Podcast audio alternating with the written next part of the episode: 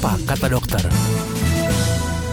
Selain dari garam, tetap kita harus sudah mulai kurangi yang namanya makanan-makanan berlemak.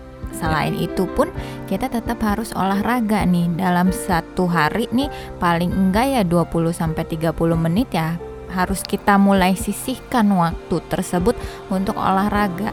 Karena sekarang nih kita mikir kita sehat-sehat aja. Kita sekarang misalnya usianya 30 5 tahun kemudian gitu ya. Aduh badan saya udah mulai suka capek nih gampang sakit gitu ya. Tiba-tiba uh, tambah lagi dua tahun kemudian udah mulai usia 37 aduh kok saya mulai pusing. Pas dicek di tensi bisa nggak tensinya naik? Bisa. Jadi maksudnya di sini adalah yang bisa kita petik. Tensi itu nggak bisa naik tiba-tiba sekarang kalau kita kan garam kebanyakan sekarang itu enggak.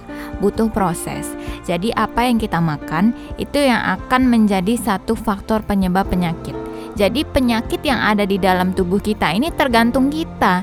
Kita yang mengendalikan. Kalau kita terlalu banyak makan garam, makan yang berminyak, kemudian kita nggak pernah olahraga, apa nih kemungkinan yang ke depan penyakit yang bisa kita dapat? Salah satunya hipertensi. Kalau udah hipertensi nih atau darah tinggi, bisa nggak jadi penyakit-penyakit lainnya? Bisa. Salah satunya bisa lari ke jantung, bisa lari ke ginjal, bisa juga lari ke stroke. Emangnya kita mau? Di usia kita misalnya 40 atau usia kita 50 eh kita udah sering ke rumah sakit karena kita sakit-sakitan. Kita kan mau di usia 50 tapi jiwanya tetap muda.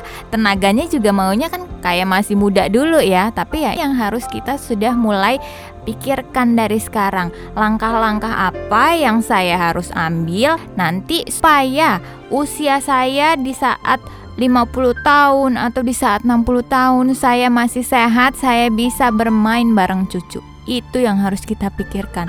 Langkah-langkah apa itu? Apa kata dokter? Dipersembahkan oleh Bioaktiva